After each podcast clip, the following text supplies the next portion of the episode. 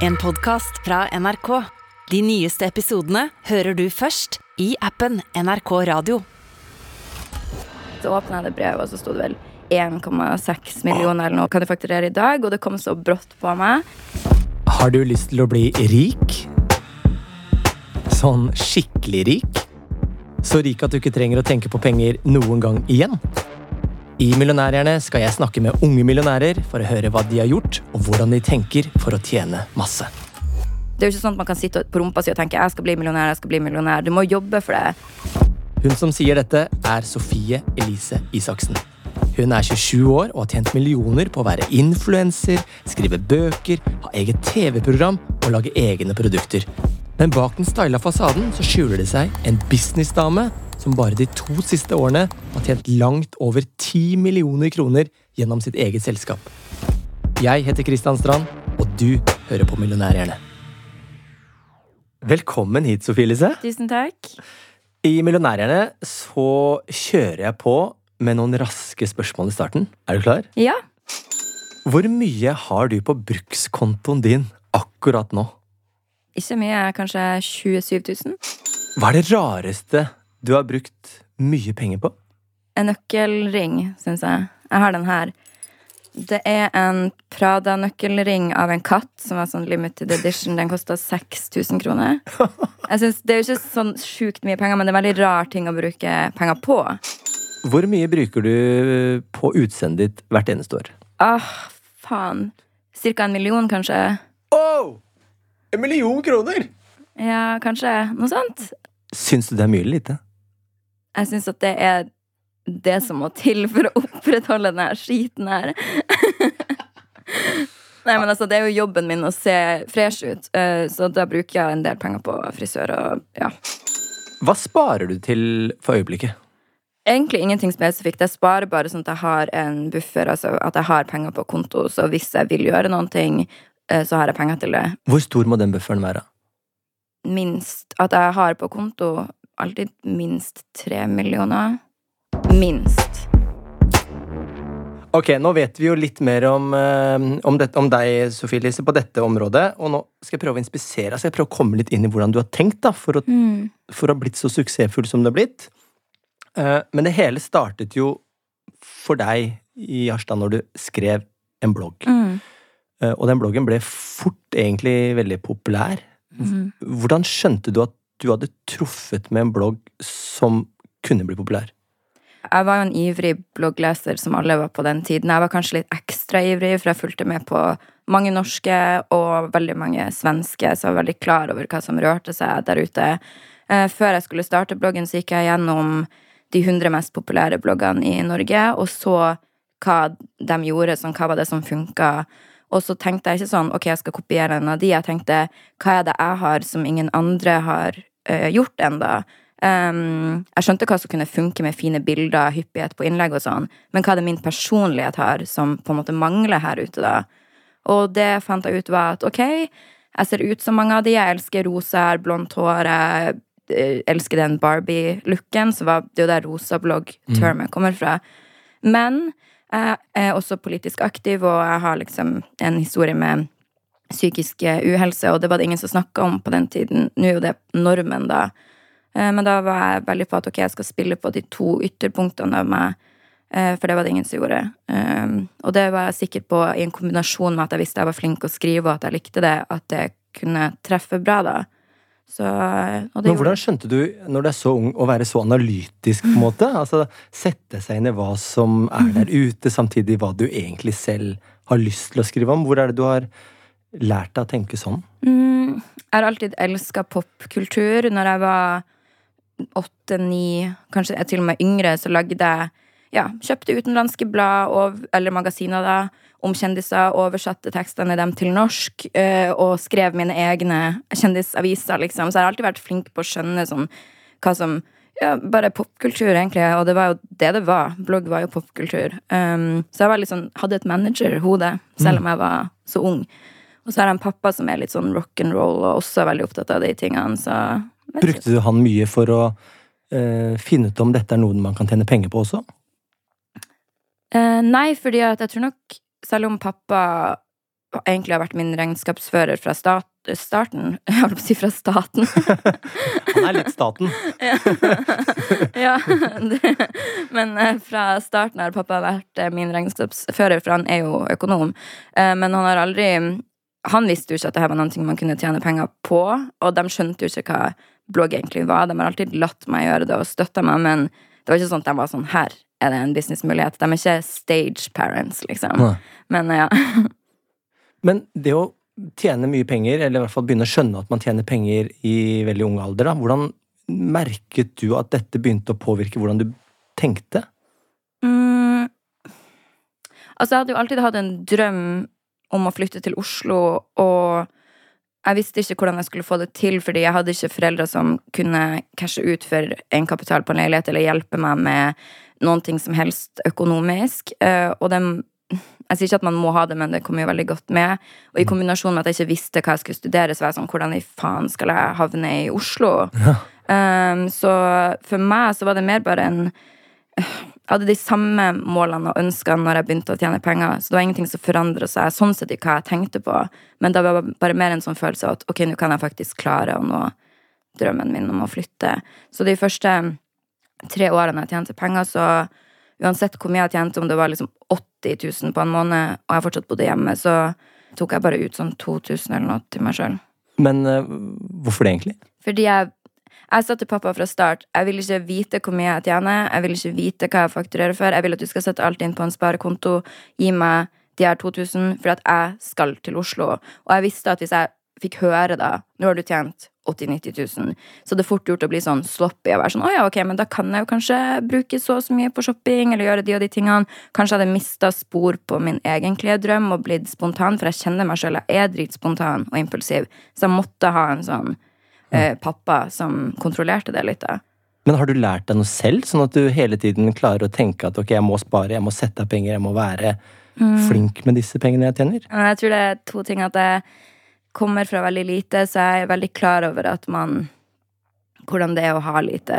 Eh, så jeg vil aldri havne i den situasjonen. Ting kan skje, og jeg vil alltid ha en trygghet i at jeg har penger spart. Mm. Um, også det at jeg ikke er så opptatt av å flashe.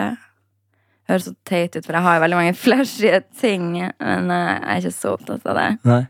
Jeg er veldig klar over alltid hvor jeg vil, og hvor jeg skal, og den lysten er sterkere enn den for å være spontan og kjøpe ting. Hva husker du fra den første millionen som du tjente? Mm, det er så rart, fordi jeg husker jo første gang jeg hadde tjent en million i løpet av et år, men du får jo ikke den millionen sånn stett, Nå har du en million, den kommer jo spredd utover et år. Så det var liksom ikke en sånn vill følelse. Men jeg husker første gangen jeg fikk en uh, paycheck som var på en million. Uh, at det kom sånn Nå har du tjent en million her i dag, liksom. Okay. Men det her var for en bok, og da får man brev i posten fra forlaget ditt om hva du har tjent, og hva du kan fakturere for. Den kom til meg. Ah, ja. Så åpna jeg det brevet, og så sto det vel 1,6 millioner eller noe fakturere, kan du fakturere i dag, og det kom så brått på meg. Så da var jeg sånn, ok, nu, hva skal jeg gjøre nå? Ok, jeg drar på The Thief. Hvordan, hvordan feira du på The Thief da? Jeg tok med meg en venninne, og så spiste vi Altså veldig sånn, vi spiste room service og så på musikkvideoer på YouTube. Det er akkurat sånn jeg ser for meg millionærer gjør. Ja. Legger seg inn på The Thief, ser på sånne gamle musikkvideoer og bare bestiller en masse. Det var det jeg gjorde, i alle fall.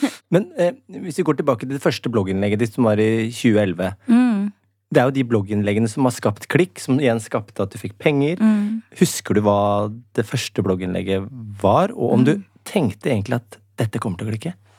Å ja, nei, det første blogginnlegget mitt var helt um, vanlig. Det var sånn Hei, ja, det her heter jeg, her er meg, det her skal bloggen min være om. Veldig kort uh, med et bilde av meg sånn med leopardkjole. ja. Men hvordan tenkte du da for å kunne klare å komme opp på denne stigen slik at du tjente mer penger?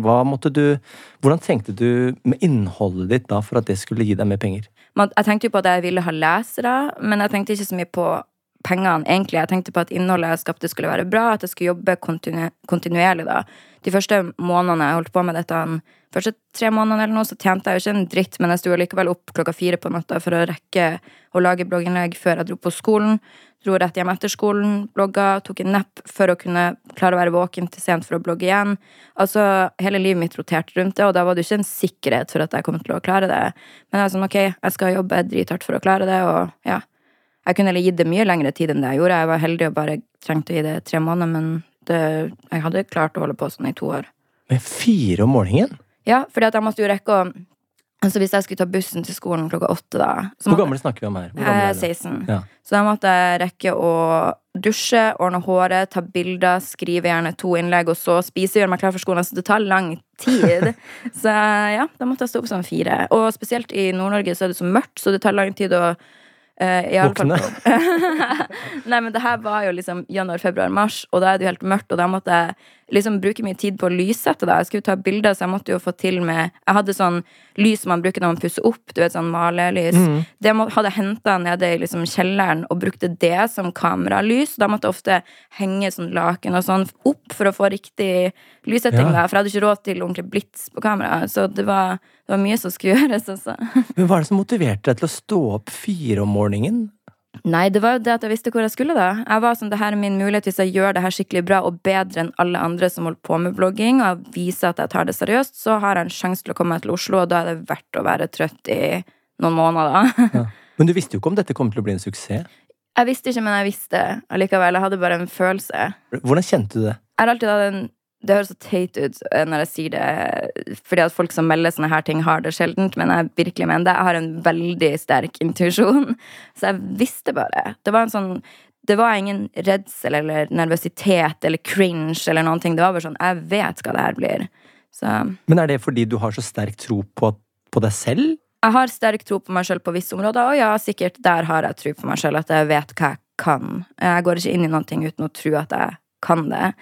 Men du vet, eh, å manifestere og tenke at Det er jo ikke sånn at man kan sitte på rumpa si og tenke 'jeg skal bli millionær', 'jeg skal bli millionær'. Du må jobbe for det. Hvis jeg tenkte jeg skal bli den mest kjente bloggeren i Norge, så må du jo jobbe deretter. Du kan ikke bare sitte og vente på at det skjer. Jobb som om du allerede er det, og at du fortjener å være det. Det var det jeg tenkte da. Men det er sikkert mange som, som kanskje har den drømmen at ah, nå skal jeg bli den neste Sophie Elise. Eller jeg skal bli den neste Ronaldo. Ja. Og tenke at de kan bli verdens beste, eller Norges største. Men det er veldig få som kanskje egentlig tror på det selv. Ja, du må tro på det mer enn alle andre, fordi at det, altså, all dritten jeg fikk på skolen, og fra eh, venner sine foreldre, og fra utvida familie, av alt jeg gjorde. Men da er du jo avhengig av at du er den som tror mest på det du holder på med, da. Men hvordan, klarer, hvordan klarte du det? Det vet jeg ikke. Jeg den Jeg tror det er det som skiller ofte de som klarer det, og ikke klarer det. Jeg tror noen er skapt mer for å være kjent enn andre. Ikke for å være sånn, men det tror jeg er fakta. Fordi da har man ikke den der angsten eller følelsen rundt akkurat det. Jeg visste hvor jeg skulle. Og det betyr ikke at det ikke gjorde vondt når folk tvilte. Det betyr ikke at jeg ikke ble lei meg. Men tar du ikke de, Du tar ikke tvilen inn i hodet ditt? Nei, måte? jeg tar ikke tvilen. Jeg kan ta inn at jeg blir såra og lei meg og skuffa og alt det, men jeg, tar ikke, jeg blir ikke tvilsom. Da hadde jeg jo sletta bloggen. Det beste jeg har gjort i hele mitt liv, er at jeg ikke sletta den bloggen. Men når du er 16 år, eh, så er det jo det er jo mye å sette seg inn i rundt det å begynne å tjene sine egne penger. Eh, nå fikk jo du mye hjelp av faren din som er økonom og regnskapsfører, men hvordan klarte du å skjønne og forstå eh, kontrakter og avtaler og, og alt det kjedelige papirarbeidet rundt, da? De første årene så var det egentlig ingen kontrakter. Alt var veldig cowboy i blogg, eller da influenserverden. så det var ingen kontrakter. Første kontrakten jeg fikk, var når jeg fikk kontrakt fra TV 2 og Med din egen TV-serie. med bloggerne. Ja? Eh, og da var det vel bare pappa som så på den. Tenkte ikke så mye på det. Jeg tenkte jeg skal på TV, jeg tenkte ikke så mye på kontrakten. For du bryr deg egentlig ikke om hva du hadde fått for den? Det Jeg visste hva jeg fikk. Jeg visste at jeg fikk 50 000 for den første sesongen. Det syns jeg var helt vilt mye penger, for jeg hadde jo aldri 50 000 for å bare liksom filme livet mitt. Ja. Jeg prøver å forstå litt mer liksom, denne måten du tjener penger på. Det er jo noen som vil at du skal enten fronte et produkt, eller du skal vise noe eller bruke noe. Er det sånn å forstå at samarbeidspartnerne som vil jobbe med deg, vil at du skal eh, få de til å selge mer? Absolutt. Eh, sånn som jeg gjør det der Jeg vil alltid at jeg har så respekt for folk som starter sine egne ting og har et brand, så hvis en eh, en noen vil booke et innlegg hos meg, da, så priser jeg heller meg selv for lavt første gangen. Hvilke priser snakker vi om da? Hvis jeg vanligvis tar um, 70 000 for en story, da, så kan jeg si sånn Vi kan gjøre det for 50 eller 40 første gangen. For jeg har lyst til at de skal gå i pluss. Lyst Så hvis de sier 70, så sier du 50? Eh, de hadde aldri sagt 70. Nei. De foreslår jo ikke. Da hadde de vært dårligere, dårlige forhandlere. De hører jo med meg. Jeg vet at veldig mange går ut veldig mye høyere enn det de egentlig er verdt. Ja. Jeg syns det er dårlig gjort, det, for da ender det med at du vet jo at du ikke genererer nok til å dekke de kostnadene. Du er bare gjerrig og vil ha masse cash. Så jeg vil heller at den som er modig nok til å starte en bedrift og gidde å bruke penger på at jeg skal fronte deres produkt, at de skal gå i pluss. Og hvis de gjør det, så blir de happy, da booker de igjen, da kanskje booker de et års samarbeid, og da vinner alle. Hvordan har du kommet frem til å tenke på den måten? At selge meg billig, men så vil jeg kunne ta mer betalt seinere? Har du lært et sted? Jeg tror det bare var learning by doing. At i starten så priste jeg meg altfor lavt fordi at jeg ikke visste bedre. Og så så jeg uansett at siden jeg priste meg lavt, så hadde jeg mer eh, langvarig samarbeid og mer gode relasjoner kanskje til samarbeidspartnerne mine enn mange andre hadde. Og fordi jeg genererte gode resultat, så var det ikke noe problem å heller sette det opp i pris. Og mange av de samarbeidspartnerne jeg hadde, som jeg den gang da tok 5000 kroner for, er jo med meg fortsatt i dag og betaler mye, mye mer. Men det sitter sikkert veldig mange nå og drømmer om å bli influenser og tenker at åh, tenk å få lagt ut noe på storyen sin og få betalt for det. Det virker jo enkelt, Mm. men hvor vanskelig er det å få de første kontraktene, liksom? Jeg vet ikke hvordan det er i dag, for som sagt mine har hengt med lenge og har en sterk merkevare, så det er jo litt det folk kjøper òg. Men jeg tenker at den harde jobben er ikke nødvendigvis bare den storyen. Eh, akkurat den konkrete storyen. Jeg er opptatt av at alt innholdet jeg lager rundt, skal være såpass interessant og genuint at man har lyst til å følge med på og se storyen min uansett. Mm. Så det handler ikke om bare selve akkurat reklamen, det øyeblikket det handler om hele greia rundt. Blogg, det starter med blogg, men nå er det jo på mange forskjellige plattformer. Du har gitt ut bøker, ja, som du sier, eget, eh, og egne TV-programmer, podkast og, og egne merkevarer. Fort- Fortell oss litt om dette universet, Sofie Elise. Hva, hva består det av når det kommer til hva du får tjene penger på? Mm, det, jeg tjener penger på kommersielle samarbeid på Instagram og Snapchat. Jeg tjener penger på eh, Glød. Og Hva er det for noe? eh, Glød er et eh, i bunnen selvbruningsmerke. Eh, det største i Norge, så det er jo veldig gøy. Um, tjener penger på bøker, TV og har nettopp starta et solbrillemerke som heter The Shade. Det tror jeg ikke at jeg kommer til å tjene noe på på noen år. Fordi at man vil heller at det skal vokse så stort enn å ta ut lønn. Mm. Og hvor er det du får mest penger inn hen? Glød. Ja. Mm. Så du har gått fra på en måte å tjene penger mest på, på skriveting til Mm. produkter, da. Ja. Og hvor mye snakker vi om sånn mye, Siden du starta, egentlig, hvor mye er det Sofie Elise har tjent på å holde på med dette? Jeg har ikke peiling. Jeg har null peiling. Null. Altså, de tallene du leste opp for meg, eller de tallene du sa i introen, var helt nye for meg, liksom. Så jeg, jeg har ingen oversikt. Pappa har. Jeg får fortsatt lønn. Det er derfor jeg sa jeg har 26 000 eller hva jeg har på brukskontoen. Det det jeg har, og så bruker jeg opp det, og så synd for meg, liksom. Så må jeg spørre pappa hvis jeg skal ha noe dyrt. Men hva er det du bruker penger på, da? Nå for tida er det jo interiør mye, for jeg har liksom pussa opp igjen og igjen og igjen. Hva slags type interiør bruker du altså i leiligheten? Hva er det du kjøper, da? Det er jo ny sofa, ny seng, ny kjøkkenbord. Altså veldig store ting, da. Men Eh, hele tiden? Nei. Nei, ikke hele tiden, for det er jo sinnssykt slitsomt. Men eh, nå har det blitt en utbytting sånn to ganger i året, kanskje. Bytter du sofa og seng to ganger i året? Nå har det blitt det. Du sliter ut? Ja, jeg sitter så jævlig ved den sofaen. Hjemmekontor, vet du. Men altså, ok, det er jo veldig få som bytter ut noe så fort, da. Ja. Hvor, hvor mye bruker du på dette her, da? Jeg har en interiørarkitekt, og så sa jeg bare henne du vet hva jeg liker, bare skaff noen ting. Og så kom jeg hjem, og så hadde jeg en ny sofa, så var jeg sånn, å, den var fin. Og så var pappa på besøk, så satt han i sofaen min, så var han sånn, gjett hvor mye sofaen din koster. Så Og han sa det til deg? Ja, for jeg visste ikke det var han som hadde betalt. Hva gjetta du, da? Jeg ville ikke gjette, og så sa han gjett hvor mye puter i sofaen din koster. og når jeg gjetta der, og det var for lavt, så tenkte jeg at sofaen var jævlig dyr, og den kosta vel 150 000 eller noe. Så den har, ja, og den har han sagt at den får jeg ikke lov å gi bort, for jeg gir bort alltid alle møblene. Jeg har aldri solgt et møbel, jeg gir det bare bort. Gir du det bort?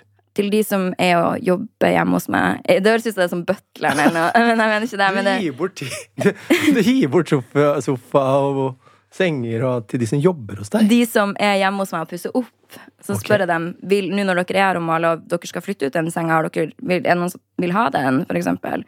Så sier de ja. Ja, det skjønner jeg hvis det koster 100 000 kroner. Ja, men den skal jeg ikke bort. Den sofaen må jeg ha. Jeg elsker den sofaen. Men hvorfor gir du bort eh, møbler og sånt? Tenker du mye på de som ikke har like mye som deg? Jeg hater når man skal melde sånne fine ting om seg sjøl, egentlig, men jeg er veldig empatisk. Sånn, jeg har en veldig fin bil, og jeg får dritdårlig samvittighet hver gang jeg kjører forbi noen i den som enten tigger eller av andre årsaker kanskje ser litt dårligere stilt ut. Og da tenker jeg bare sånn, hva er det jeg holder på med? Jeg skulle ha gitt mer, jeg kan gi mer tilbake. Ja. Det, det er noe jeg tenker på hver eneste dag, egentlig. Men denne, denne leiligheten, det, det har jo egentlig vært drømmen din, da. Å komme til Oslo og Mhm. få sin egen leilighet og Ja. Helt siden du begynte med bloggen. Men hadde du en plan, altså en økonomisk plan, for å komme deg hit og få kjøpt leiligheten?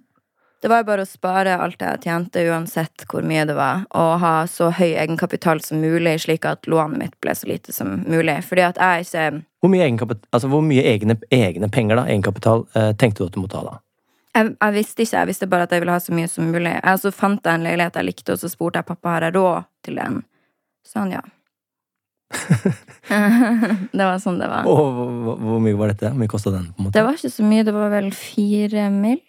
Hvor gammel var du da? 19. 19 år, ja. Og så kjøper du en leilighet til 4,5 million.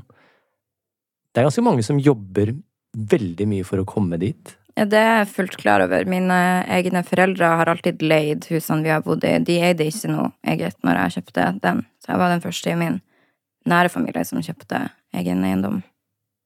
Men denne businessen da som har tatt eh, Ja, den har jo blitt ganske bred. Mm. Um, hvordan visste du eksempel at nå skal jeg begynne med selvbruning? Eller nå skal jeg begynne med solbriller? Hvordan skjønte du at det var noe som du kunne tjene penger på? Litt samme som um, med bloggen, at du ser et hull i markedet. Eh, sånn som når jeg starta den, så tenkte jeg ingen gjør akkurat det her. Ja, hvordan fant du ut at ingen gjør dette? Det jo Med selvbruning, for eksempel. Ja, ja. Um, var, der jeg, var jeg heldig, for jeg hadde jobba med Coverbrands, som er en nettside som selger skjønnhetsprodukter, i mange år. Mm. Og da hadde jeg skjønt via dem at det jeg solgte best av, var selvbruning, når jeg promoterte det. Men hvordan går det fra å på en måte reklamere om det til å lage din egen? Altså, Mm, bruker du egne penger på det, eller hvordan starta du dette? Mm, når jeg fikk den ideen, så stoppa jeg tvert å promotere andre sine selvbruninger. For at jeg var sånn, det kan ta to år, det kan ta tre, men jeg skal ha mitt eget merke, og da kan jeg ikke gi noen andre noe oppmerksomhet. Um, så jeg er heldig, for jeg hadde allerede testa alt, så jeg visste hva, konkret hva jeg ville ha, og hva som mangla. Og da eh, betalte jeg en grafisk designer som jeg satt i et møte med. Jeg betalte vel han 30 eller 40 000. Og så uh, lagde han flasker, sånn som jeg så for meg den. En lang presentasjon av hva jeg hadde tenkt på av liksom, ingredienser, hvorfor det kom til å selge, hvor jeg ville selge det. Og så en presentasjon da. Og du lagde det? Så svær presentasjon? Ja, Og så måtte jeg jo bare pitche den, da. Ja, og en pitch det er at du går og prøver å selge det, rett og slett. Ja, Selge konseptet, ja. Men når du forbereder deg for en sånn presentasjon, hvordan, hvordan, eh, te- hvordan tenker du da for å få dem til å gå med på dette? Mm, det var litt det at jeg, jeg var veldig sånn Når jeg bestemte meg for at jeg skulle gjøre det her, så tror jeg jeg spurte coverbrands om de var villige til å være åpen om at jeg genererte bra på selvbruning. Og så sa de ja. Så når jeg hadde pitchen, så var det jo det at jeg var sånn Hvis dere ikke tror på meg, så bare hør rundt. Så kommer dere til å høre at dette stemmer. Og eh, det var jo riktig. Eh, Så det var mer det at jeg hadde veldig tro på at ok, du må gå inn der, og så må du bare stole skikkelig på det du selv. Du skal liksom digge det her sånn faen. Jeg kom inn der med overskudd, jeg var så gira. Jeg var sånn, jeg var sånn det, det her skal ut i butikkene, så hvis ikke dere er med, så gjør jeg det uansett. Men da kan dere på en måte angre. På veien til suksess så går man jo ofte på noen smeller underveis. Hvordan har det vært for deg? Ja, eh, for eksempel så starta jeg en bokklubb for sånn to år siden, og Mm. det funka jo ikke, fordi ja, det var vel bare et sånt type konsept som Du må opp i så store volum for at det skal i det hele tatt gå i null. Og så da gikk det ikke, og det suger selvfølgelig. Det føles jo jævlig dritt, det er flaut, men det jeg har lært meg at det tålte jeg også. Hvorfor er det flaut? Fordi at alle har øynene på deg, og man har gått veldig hardt ut og sagt at det her er bra, det her blir bra, og så blir det kanskje ikke det, så man tenker at man mister litt integritet. Og at folk ser på det som litt sånn åh, hun klarer jo ingenting. sant? Det, jeg tror alle syns at det er flaut å ha et selskap som ikke har tatt av eller gått konkurs, samtidig som det bygger mye karakter og styrke, da. Hvem er det du ser til? Litt sånn, Er det noen andre store kjendiser eller profiler som, som gjør de tingene du velger å gjøre? Som du ser at ok, jeg har lyst til å bli som henne, eller Nei, egentlig ikke, for jeg føler at med en gang du Altså, jeg manifesterer jo, og den setninga jeg skriver til meg selv akkurat nå om dagen, det at min suksess er min egen, og det jeg mener med det, er at jeg skal ikke måle meg opp mot hva noen andre gjør, eller hvordan veien noen andre har gått. Jeg må alltid teppe inn i magefølelsen min. Så med en gang jeg henger meg for mye opp i hva andre har gjort, så mister jeg intuisjonen min, og da mister jeg den evna til å skjønne hvor jeg skal, om det her er riktig for meg. Så Hva betyr det å manifestere i praksis? Eh, det er en måte å minne deg sjøl på hvor du vil, og hva motivasjonen din er. Det kan handle om kjærlighet, det kan handle om jobb, det kan handle om selvrespekt, det kan være alt. Eh, Jeg bruker en metode som heter 369-metoden. Det er enkelt å finne hvis man googler det. Men da skriver du samme setning tre ganger på morgenen, seks ganger midt på dagen, ni ganger på kvelden. For For å bare minne deg på hva det er du vil ha. Og det høres sikkert ut som jævlig mye, og ja, det er jævlig mye å skrive det så mange ganger, og du blir dritlei. Men tenker jeg, hvis du ikke gidder engang å skrive de setningene så mange ganger, hvordan skal du gidde å jobbe for å nå de tingene? Jeg tenker det her er bare minimum av hva jeg kan gjøre. Og det hjelper som faen. Er det sånn at man påvirker hjernen, rett og slett? Ja, og det er jo vitenskapelig bevist at de tankene du tenker mest, er de Har du masse negative tanker, så blir livet ditt mer negativt. Det er naturlig av natur en veldig negativ person overfor meg sjøl. At jeg kan tenke sånn eh, På ting som ikke har med jobb å gjøre, kan jeg være ekstremt selvkritisk. Så det har hjulpet meg å snu den. Men hvordan merka du at du var påvirket av andres suksess? Em, jeg tror folk er så redd for negative følelser at man aldri blir nysgjerrig på dem. Men hvis du ser at noen andre gjør det bra, eller hører det, og du får et stikk i magen, så forteller jo det stikket deg at du er redd for at andre gjør det bra, for det betyr at du ikke har sjanse til å gjøre det bra. Men det er jo bare tull. Du må være nysgjerrig på den følelsen og være litt kritisk til den, og så gjøre noe med den. Og det er det jeg prøver å gjøre nå. Så hvis du hadde tatt inn altfor mye utenfra, så hadde du ikke klart å fullføre dine prosjekter? Absolutt ikke. Så det hadde jeg aldri klart. Så man må være ekstremt eh, centered rundt seg sjøl, og hvor du vil. Det er jo Hver gang jeg sier at jeg skal snakke med deg, eller i hvert fall nå i denne sammenheng, så sier alle ah, alle har en mening om deg. Sant? Uansett, på godt og vondt, egentlig. Og du har jo du har jo opplevd mye kritikk, du sier jo det, og det er også grunnen til at bloggen ble nedlagt og sånne ting. Mm.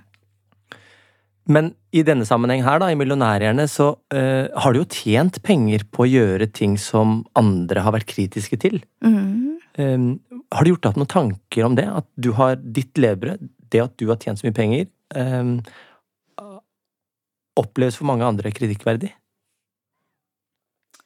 Om jeg har forståelse for at det er kritikkverdig? Både ja og nei. Mm. Um, jeg føler at uh, det er dumt at en mann kan profitere på en kvinnes seksualitet, men hvis en kvinne sjøl profitterer på sin egen seksualitet, så er det feil. Altså, det er ingen som hever et øyenbryn hvis det er liksom en uh, bilreklame med en sexy dame plassert bare et random sted der, og så står det noen og tjener penger på hennes seksualitet. Mm. Men hvis jeg gjør det, og jeg får direkte penger for det, så er det feil. Um, ja. Det skjønner jeg ikke helt. Hvor lei er du av at alle er kritiske til det du gjør? Jeg er ikke så lei av det egentlig, men det jeg skulle ønske var at de, folk ikke var kritiske uten å ville snakke med meg. For veldig mange er sånn 'Å, det der er så dårlig', og det er sånn og sånn. Og så er de ikke nysgjerrig på meg. De er ikke nysgjerrig på hvorfor jeg gjør det, eller hva jeg tenker. Um, I det hele tatt. Så man får aldri en samtale. Man bare står og snakker inn i sitt eget ekkokammer, og det syns jeg er synd. Men du har en stor buffer. Hva annet gjør du med pengene dine? Altså, bru hva bruker du eksempel penger på? Bilen min har jeg brukt mye penger på. Ja, hva slags bil er det du har? Jeg har en Porsche Taycan 4S. Den Oh. koster 1,2 millioner eller noe. Ja, som er da en, den nye Porschen elbil. Ja, elbil. Øh, Men jeg står på vent Eller jeg har egentlig kjøpt en ny bil, men jeg vet ikke helt hva jeg skal gjøre når jeg får den, for da må jeg typ flytte, for den bilen er for stor for parkeringsplassen Hva slags bil er det? Det er G-Wagon, en elbil. De kommer jo med en elektrisk. Oh, ja. Så ja. er, du, er du veldig opptatt av bil, eller? Ikke egentlig i det hele tatt, men når du først har hatt en veldig fin bil, så går det ikke an å gå tilbake. Da blir det liksom en interesse, da, plutselig. Men hva koster den nye bilen, da? 2,4. Nei, 2,4 millioner. Ja. Det er jo helt vilt. Det er sjukt mye penger. Men hva får du igjen for det? Altså sånn eh, Er det følelsen? Er det det å se kul ut? Hva? Det er jo en penisforlenger, eller hva man sier. Det er jo sånn at du skal se kul ut. ja. Sånn at du er, er dritstygg og liksom hangover. Jeg kjører likevel en Porsche. Men er det noe du har drømt om? Og Nei, jeg har aldri brydd meg om bil. Aldri. Men sånn, altså, drømt om å, liksom, den følelsen av å vise suksess?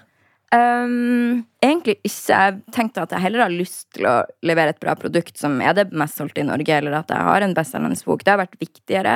Så har pengene vært en sånn hyggelig side-effekt. Hvordan har du endra deg, vil du si, etter at du har begynt å tjene veldig mye penger? Er dette Jeg noe? tror, jeg tror at um, mye penger gjør deg bare til mer av det du i bunnen er, uansett. Så er du en kjip person og får mye penger, så blir du bare kjipere. Er du en snill og empatisk person, så kanskje du gir mer tilbake. Det tror jeg. Og så har jeg alltid likt sånn estetikk og eh, sånn, så at jeg har en fin bil er jo ikke et sjokk, men jeg er fortsatt mer opptatt av å jobbe og at folk rundt meg skal ha det fint. Men har du merket på en måte at, at du tar noen andre valg? Ja, altså, jeg vil jo aldri før har dratt ut og spist og brukt 7000 kroner på å bare dra ut og spise. Eh, Så det er jo ting jeg gjør uten å tenke så mye på det. Men da får du en SMS av pappa, kanskje? Eh, ja, det gjør jeg. Hva, hva skriver han, da? Um, han sender meg meldinger og er sånn Ikke sånn generelt at akkurat nå bruker du for mye penger, men Nei. at han er sånn Nå lever du som en russisk oljebaron, og det er du ikke. Og det er du ikke. Nei, så, sånn som i går, så skrev jeg sånn jeg hadde fått ny verdivurdering på leiligheten. Det betyr jo at du får bedre lånebetingelser. Så skrev jeg til pappa er ikke det her bra. Den har gått opp 1,5 million i verdi på et år. Under det så sa han sånn For nå leser du meldingene fra ja, han. Ja, nå ser jeg nå på meldingen med pappa for å se hva han skriver. Bare sånn at man skjønner hvordan vibe pappa har. Så skriver han 'bra', utropstegn, men prikk, prikk, prikk. Det er også omtrent det du har brukt av penger på den, men ok. Mye av det er i møbler, og de skal du ikke gi bort eller la være igjen ved et eventuelt salg. Eh, Så kan du tenke på hva du har brukt penger på, og at du egentlig har gått i null. Positiv fyr. Han er litt hard med det. Ja, jævlig hard. Men er det det du, du trenger rett og slett en far, en pappa som er såpass streng? Ja, han er veldig direkte, så det er bra. Som sagt, han er ikke en stage dad. Men det er jo, du er jo helt i toppsjiktet av influensere um, som tjener så godt. Hva er det ved deg, vil du si, og måten du tenker på, som gjør at du har oppnådd det du har oppnådd? At jeg jobber akkurat like hardt i dag som jeg gjorde når jeg var 16. Når jeg tjente ingenting, så jobber jeg som om Da gjør du det, altså? Du jobber like mye? Ja, jeg står ikke opp fire på natta lenger, for at sånn lyssettingmessig er ikke det et behov. Eh, men sånn som i går, jeg var ute med noen venner, det var jo en liten fest. Da dro jeg hjem klokka ni, for jeg visste at jeg skulle opp og jobbe i morgen. Da var det noen som sa å, du gjør alltid det her, du drar alltid hjem tidlig. Så var jeg sånn, ja, hallo, og så pekte jeg på solbrillene, så var jeg sånn, jeg hadde aldri hatt dette hvis jeg satt ute til ett-to på natta. Så jeg drar hjem nå. Så ja, da gikk jeg hjem. Så det jeg tar sånne der valg som gjør at jeg kan stå opp tidlig i dag, bare gjøre ting før jeg kommer hit. Ja. Men denne ambisjonen, altså, jeg prøver å forstå hvor du har denne sinnssyke ambisjonen om å lykkes med noe. Hvor er det du, hvor er det du har fått det fra? Jeg tror ikke jeg er unik i det hele tatt, fordi jeg tenker når jeg ser vennene mine som eh, skriver master, jeg har en venninne som skriver doktorgrad, hun har jo akkurat den samme motoren som meg, bare på et annet felt. Jeg tror ekstremt mange har den, men på meg så blir det synlig, og det er derfor jeg hater det der med at Jeg vet at jeg er en millionærpodkast, men det er derfor jeg ikke liker når folk spør hvordan jeg kan bli rik, eller um, er så opptatt av penger, for det har ingenting å si på hvor dreven eller egentlig suksessfull du er.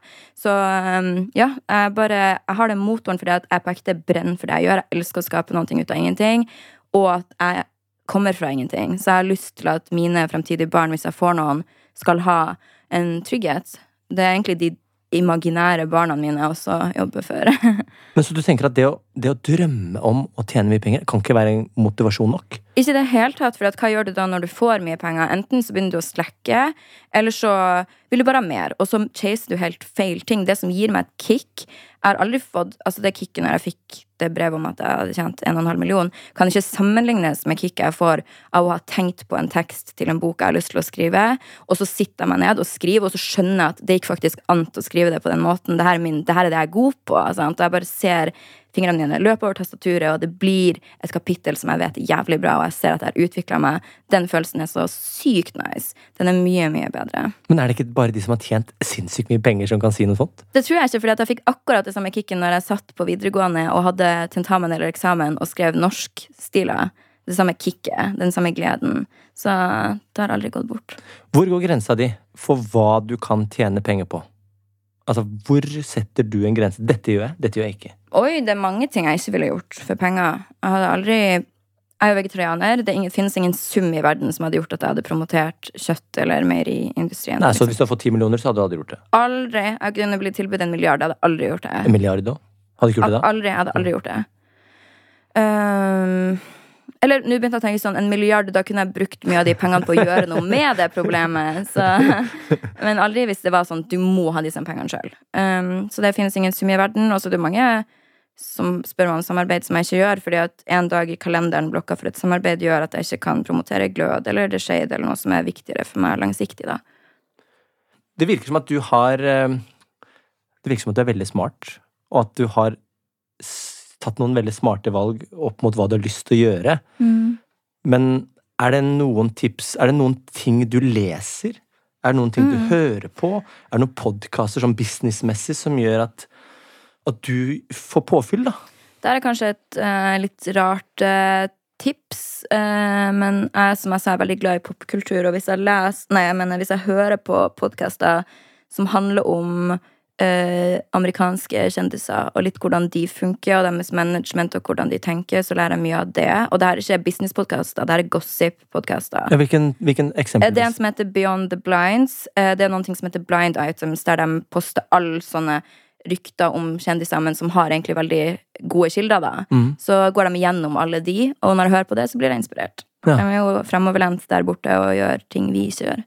Hvilke andre ting, da? Eh, jeg leser ekstremt mye. Jeg tenker at det er viktig å lære noe nytt hver eneste dag. Så jeg leser bøker og Og hvilke bøker er det? Hvis du skulle anbefalt en nå for å en businessbok. Ja, For å få litt den hjernen Det trenger ikke være sånn 100 businessbok, men mer sånn tankesettet ditt. da Um, jeg elsker, Hvis man har lyst til å komme fort inn i eh, tankens kraft, så elsker jeg Eckhart Tolle sin bok 'Power of Now'. Den finnes også på norsk og heter 'Det er nå du lever'. Okay. Hva, hva er essensen i den? Den handler om å være i sted, til stede i øyeblikket, ikke bekymre seg så mye for det som har vært eller det som kommer, at du bare hvert sekund er en sjanse til å eh, regulere hvordan du har det og følelsene dine. Det er jo et kjent sitat som sier sånn du kan ikke kontrollere hva andre gjør mot deg, men du kan kontrollere hvordan du føler deg. På en måte. Og hvordan bruker du den boka i hverdagen, i, i, i business-sammenheng? Det er det at jeg er nysgjerrig på alle Hvis jeg sitter i et møte der jeg får en dårlig magefølelse, så er jeg sånn, hva prøver den her å fortelle meg? Eller jeg får en god magefølelse, hva betyr det? At jeg er nysgjerrig på mitt eget følelsesliv og har et rikt indre liv, da. Mm. Jeg er godt kobla på meg sjøl, og det tror jeg starta med den boka. Og det er veldig rart, for at når jeg første gang leste den boka, så var jeg sånn Jeg og eksen min da var sånn Ok, nå blar vi opp på en random side, og så skal vi lære oss hva en slags setning vi kommer på utenat. Og det var egentlig bare på kødd. Men den setninga var Jeg sier den på engelsk. Um, det var Jeg husker den fortsatt, og det her var literally i 2016. Mm. Den setninga var There is space around my unhappiness, and that space comes when there is inner acceptance of whatever you're experiencing in the present moment. Altså at du lager et space mellom alt negativt som skjer med deg, og hvordan du håndterer det. Ja. Så jeg ser alt litt sånn hm, Ja, det går bra. Jeg tror at du trenger ikke å lese en eh, businessbok for å bli god i business. Jeg tror en selvhjelpsbok, eh, eksempel Power of Now, kan gjøre mye. fordi jo mer du har kontroll over dine egne tanker, jo mer takler du dårlige situasjoner og vet hvor du skal. Så jeg ville heller lest en selvhjelpsbok enn en businessbok. Er det andre ting du lærer av?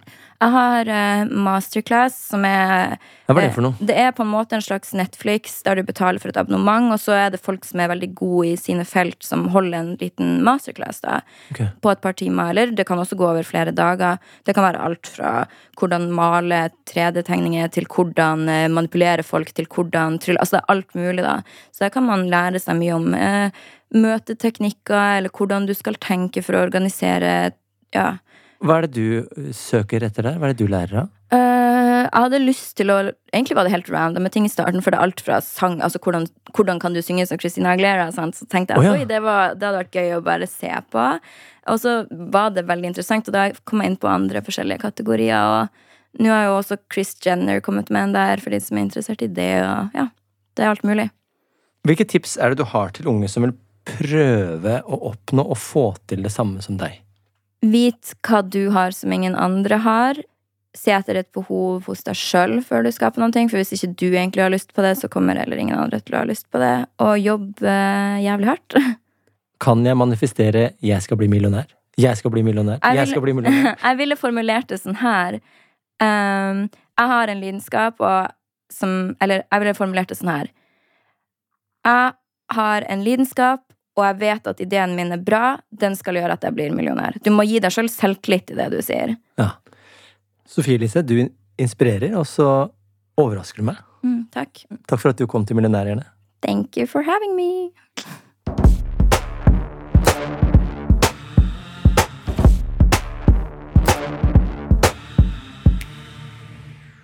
Denne podkasten er produsert av Freemantle Podcast for NRK. Den er laget av Anna Cappler, Espen Rogne og Annie Ostrø. Programleder er Christian Strand, og ansvarlig produsent for Freemantle er Mira Khan. Prosjektleder i NRK er Halvard Jacobsen, og redaktør er Randi Helland. Du har hørt en podkast fra NRK. De nyeste episodene og alle radiokanalene hører du først i appen NRK Radio.